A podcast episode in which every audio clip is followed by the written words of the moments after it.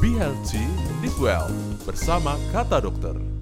Be Healthy Live Well bersama kata dokter channel podcast Kasih Ibu Hospital. Sahabat KIH, episode kali ini saya bersama dokter spesialis bedah umum, Dr. Riyandi Satrio MBiomed SPB dengan pembahasan mengenai wasir. Halo dokter, apa kabar? Halo Lucy, apa kabar juga? Baik, Baik. dong. Baik ya dok ya? Baik banget, Oke. sehat walafiat. Oke, dokter. Hari ini kita gimana? bakal ngobrol tentang wasir nih dok. Tapi kalau eh, di luar sana banyak yang bilang antara wasir dan ambeien tuh bedanya apa sih dok? Gini, wasir sama ambeien tuh bahasa awam. Mm-mm. Wasir dan ambeien kalau bahasa kedokteran cuma satu, hemoroid. Jadi Oke. sebenarnya sama. Tinggal orang ngomongnya nanti, oh ini saya wasir nih atau saya ambeien nih, sebenarnya sama. Itu adalah hemoroid kalau di bahasa medis. Nah, gitu. penyebabnya apa dok? Penyebabnya macam-macam ya. Kalau penyebab paling sering itu kalau ada sumbatan di ujungnya anus ya. Pertama karena mungkin kamu ada tekanan, ngeden ya, mengedan ya kita sering ngomongnya, mengedan ada tekanan, kemudian eh, makannya tidak banyak serat. Ya, makannya tidak banyak serat otomatis berarti kan BAB-nya nggak lancar. BAB nggak lancar berarti urutannya adalah pada saat buang air besar dia mengedan. Mengedan ada tekanan tuh di ujung-ujungnya anus. Ya, pada saat itu ada tekanan di ujung anus, nah itu terjadi adanya benjolan, jadilah ada benjolan keluarnya hemoroid atau di orang awam bilang wasir atau bilang juga ambeien. Oke. Kayak Nah, gitu. tadi kan dokter bilang ada gangguan lah untuk BAB ya dokter ya. Hmm. Kalau misalnya kita menggunakan pencahar, apakah itu bisa menjadi solusi awal gitu? Pencahar menjadi solusi awal. Kalau solusi awal buat eh, ambeien masih tingkat grade-nya masih grade 1, dia belum terlalu besar, belum terlalu luas pendaranya. It's okay, nggak apa-apa. Kembali lagi, pencahar itu adalah obat. Obat adalah kimia, gitu ya. Obat adalah kimia. Jadi sebaik sebisa mungkin konsumsi makanan yang banyak seratnya Oke. ya kan? Kalau memang dengan banyak seratnya dengan sayur, buah-buahan itu lebih baik dari obat pencahar. Tapi obat pencahar juga kita rekomendasikan karena apa? Itu untuk mempercepat. Jadi mempercepat pada saat ob- eh, obat itu kita masukkan, pasien itu juga minum obat, mereka diusahakan tidak mengedan. Jadi feses yang keluar langsung dan tidak sakit. Gitu. Nah, dok, di luar sana nih dokter ya, bahkan ada beberapa saya baca eh, mitos seputar wasir dok. Ya. Misalnya kebanyakan konsumsi makanan pedas, terus juga keseringan duduk di lantai atau kelamaan. Bahkan yang terakhir saya baca nih dokter ya di media sosial katanya kalau kita berlama-lama di toilet itu menyebabkan ambeien. Gimana Gini. nih dok? Kalau berlama, gue dari bawah. Kalau berlama-lama di toilet, betul. Posisi toilet kebuka. Betul. Posisi apa namanya anus kita posisinya eh, duduk, terus ngeden kan. Nah ngeden itu kembali lagi kalau kita posisinya begitu ada tekanan di anus. Tekanan di anus itu pembuluh darah pembuluh darah yang ada di anus gumpal. Itu jadinya yaitu kembali lagi hemoroid, wasir atau ambien. Karena ada pembuluh darah yang gumpal di situ Oke. karena tekanan. Itu kan patofisiologinya dari situ. Kemudian kalau duduk di lantai, duduk di lantai pernah aku baca tapi sebenarnya kalau di medis tidak tidak eh, tidak ada ya duduk di lantai. Kalau makan pedas, nah makan pedas ada jurnalnya, ada penelitiannya, tapi sebenarnya si simpelnya adalah gini, makan pedas kita sakit perut misalnya, ya kan? Makan pedas sakit perut, sakit perut ngeden. Nah, kembali lagi ngeden, kita mengedan karena eh, apa namanya buang air besar, terus itu yang buat tekanan di anusnya. Oke. Itu yang bikin sakit jadinya. Nah, gitu. soal berlama-lama di toilet itu dok. kita balik lagi ke sana ya. saya juga Loh, itu kan daily. di toilet soalnya.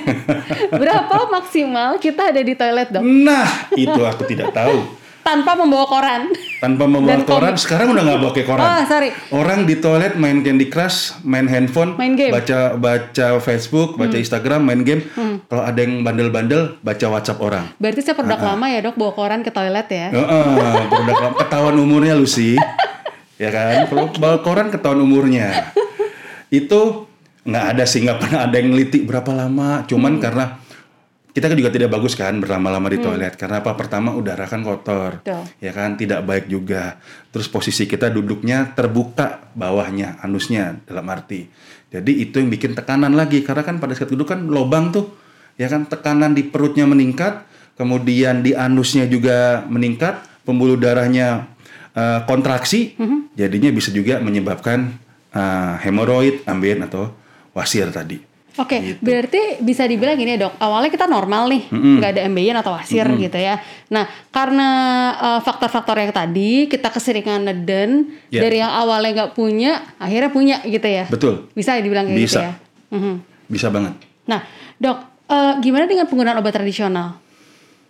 Obat tradisional gini, kalau kita dari medis semuanya adalah evidence base, Oke. ya kan? Semuanya berdasarkan evidence base. Obat tradisional tidak dilarang sama dokter, tapi tidak dianjurkan. Itu itu jawabannya. Jadi kalau ada yang nanya ke pas, eh, pasien suka nanya ke kita, dok, boleh gak pakai ini, boleh gak pakai itu, boleh gak pakai ini, boleh gak pakai itu. Silahkan, tapi dengan resiko ini ini ini ini ini. Kembali lagi saya bilang obat tradisional tidak dilarang, tapi tidak disarankan karena kalau di dunia medis, dunia kedokteran semuanya harus ada evidence base-nya, harus ada penelitiannya, itu boleh apa tidak. Nah. Gitu, Lus. Sekarang gimana? Maksudnya dalam kondisi yang bagaimana penderita wasir ini harus melakukan pembedahan atau operasi dok? Oke. Itu yang tadi saya bilang ada grade-grade-nya. Oke. Pertama, yang paling grade 1 itu eh, dia ada benjolan di dalam, jadi eksternal sama internal. Kalau internal biasanya tidak dilakukan pembedahan. Jadi eh, tidak terlalu mengganggu, nyerinya juga tidak hebat, tidak ada tidak terlalu pendarahan. Kalau saya jelasin, oh grade 1, grade 2 nanti bingung nih orang nih. Jadi yang yang paling sering eh, gejalanya yang sudah harus dioperasi pertama sakit, nyeri sekali ya. Kedua besar, sudah besar, benjolannya sudah besar, nyeri dan pendarahan. Nah, yang kita takutkan kalau pendarahan itu banyak sekali karena pembuluh darah pembuluh darahnya kan banyak sekali di sekitaran anus ya. Kalau dia berdarah, berdarah, berdarah bisa HB-nya turun itu yang kita takutkan. Jadi, di harus segera dilakukan pembedahan urgent. Gitu untuk apa? Untuk pertama biar tidak berdarah lagi, kemudian tidak sakit lagi gitu ya. Kemudian tidak nyeri lagi, itu yang kita harus lakukan segera mungkin. Oke. Gitu. Berapa lama biasanya dok proses operasi untuk ambeien dok? Kalau proses operasi untuk ambeien itu sekitar 1 sampai 2 jam tergantung. Kita banyak banyak macam-macam soalnya. Banyak teknik. Teknik yang terbaru kan adalah pakai stapler. Ya kan? Pakai stapler tuh let's say 30 menit, 20 menit selesai. Uh, masuk, kita tekan, keluar benjolannya selesai. Ya kan? Tapi kembali lagi uh, segala teknologi itu ada plus minusnya. Tergantung pertama posisinya posisi uh, ambeiennya atau posisi benjolannya di jam 12, di jam 11, di jam 1 macam-macam di posisinya. Kemudian tergantung besarnya. Besarnya sebesar apa? Gitu. Kalau dia besar terus gumpalannya banyak, operasi bisa lama. Gitu ya. Kemudian ke tergantung pendarahannya juga sama tergantung derajatnya juga. Gitu. Itu mempengaruhi. Ada efek samping setelah operasi nggak sih dok? Efek samping satu operasi pasti ada. Pertama nyeri. That's why kalau habis operasi kita biasanya selalu ini juga sesuai dengan teori yang kita lakukan juga direndam pasiennya. Direndam biar eh, apa namanya dia tidak terlalu sakit dan cepat kering lukanya. Itu pagi sore pagi sore direndam ada cairannya namanya kita sebut merek lah nggak boleh. Pokoknya kita rendam ya bisa Sorry, pakai cara rendamnya gimana pakai baskom. Oh, jadi pasien duduk di baskom gitu? Yoi. Oh, Oke. Pasien duduk di baskom direndam 10 menit, 15 menit dia direndam misalnya pagi habis mandi direndam, sore lagi rendam itu untuk mengeringkan lukanya ya bekas operasinya. Baskomnya harus Gitu. cukup kuat berarti dok? Ya, karena se- sejujurnya saya juga selalu bilang sama pasien-pasien bahwa operasi hemoroid ini adalah operasi yang sakit. Ya kan, operasi yang menyakitkan. Memang dibius tapi afternya, post opnya, post operasinya pasti sakit. Jadi pasti kita akan kasih pain management kerjasama dengan teman-teman eh, anestesi yang yang kuat. Nanti pain manajemennya atau obat-obatan analgetika kita turunin pelan-pelan untuk mengurangi eh, rasa nyerinya. Kayak gitu. Nah, ini ada kejadian teman saya mengalami Hmm. wasir nih dok ya. Terus eh, melakukan operasi. Nah, beberapa setelah melakukan operasi memang dia bilang sakit banget gitu ya. Betul. Berminggu-minggu sampai sakit itu masih kerasa. Jadi setiap uh, dia buang air besar, Dok, dia selalu bawa minyak. Mm-mm. Dia bilang, kok pakai minyak sih? Dia bilang gitu ya. Ya ini untuk meredakan rasa nyerinya dan supaya lancar aja. Dia bilang kayak gitu. Itu gimana ya dok kasus kayak gitu? Nah itu minyaknya yang saya nggak tahu tuh minyak apa nih, Hmm. ya kan minyaknya nggak tahu. Tapi memang setelah habis operasi Yang jelas bukan minyak goreng sih dok. bukan minyak goreng, bukan minyak tut, ya bukan ya. Itu untuk mama besar yang lain-lain, ya. Kalau minyak mungkin bisa, logikanya adalah minyak mungkin diolesin. Pertama bisa untuk mengeringkan lukanya, itu mungkin. Yang kedua untuk memperlancar dia buang air besarnya, biar tidak mampet.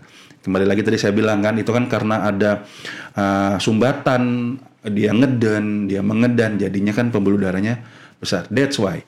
Pertama, setelah operasi pasti dietnya adalah diet tinggi serat. Kenapa? Sebisa mungkin pasien tidak mengedan. Makanannya harus tinggi serat.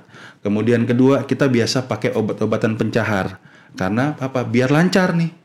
Eh, BAB-nya biar lancar, jadi tidak mengedan dan lukanya cepat kering. Itu yang selalu kita anjurkan. Gitu. Dan ketiga, ini juga yang paling sering adalah salah satu penyebab eh, ambeien atau wasir adalah angkat berat. Hmm. Hmm, gitu ya. Angkat berat. Jadi jangan mengangkat beban. Ya, jangan mengangkat beban, jangan mengangkat macam-macam. Kebetulan aku juga fitness, aku nge-gym. Kalau kita main kaki, kita main punggung, main pinggang dan segala macam, itu memang ada tekniknya. Nah, itu kadang-kadang aku ajarin ke pasien. Misalnya ngangkat botol aku, botol aku bukan, galon, galon ya. Galon ngangkut. Bebannya adalah di paha Oke. ya bebannya ngangkat bebannya adalah di paha. Jadi yang nopang adalah paha. Gitu jangan be- kalau bebannya kita salah ngangkat tekanannya ke bawah jadi besar bisa menyebabkan pembuluh darahnya lagi kontraksi lagi. Kayak gitu. Nah dok, apakah semua pasien uh, penderita wasir ini harus melakukan operasi? Bisa nggak sih sembuh tanpa operasi gitu? ada yang menjamin dalam tanda kutip begitu. Kembali lagi tadi saya bilang tergantung grade-nya. Oke. ya kan? Tergantung grade-nya apa? Grade 1 grade 2 grade 3 yang eksternal ya. 1 2 3 gitu. Ada yang eh, tanpa sembuh dia sudah biasa. Ada pasien saya udah tujuh tahun hemoroid. Dia bisa masukin lagi nih benjolannya. Dia bisa masukin lagi benjolannya. Nggak masalah. Ya kan? Tapi sering keluar. Nah yang paling menyiksa adalah ketika dia masukin tidak bisa berdarah benjolan semakin besar itu sudah wajib dioperasi. Oke. gitu. Oh ya satu lagi nih dok. Satu lagi dua lagi tiga lagi Satu lagi dokter Satu lagi ya. Ini saya juga pernah dengar nih dok, mitos entah mitos entah apa ya. Kalau kita kebanyakan duduk juga bisa menyebabkan ambeien, betul? Hmm, kebanyakan duduk tergantung duduknya di mana. Oke. Ah, ah, ya kalau duduk di WC mungkin. Kayak kita pekerja kantoran deh dok. Pekerja kantoran, ya. Kalau kebanyakan duduk pekerja kantoran bisa iya bisa tidak, ya kan? Bisa iya bisa tidak. Kalau kebanyakan duduk kembali lagi saya bilang gini, kebanyakan duduk pun tapi kamu tidak ada tekanan di situ, it's okay. Ya, nggak masalah. Tetapi kamu kebanyakan duduk, pertama minum kamu kurang, makanannya berlemak, tidak banyak serat, ya kan? Karena eh, terus eh, kamu makan makanannya tidak ada sayuran, buah-buahan dan segala macam.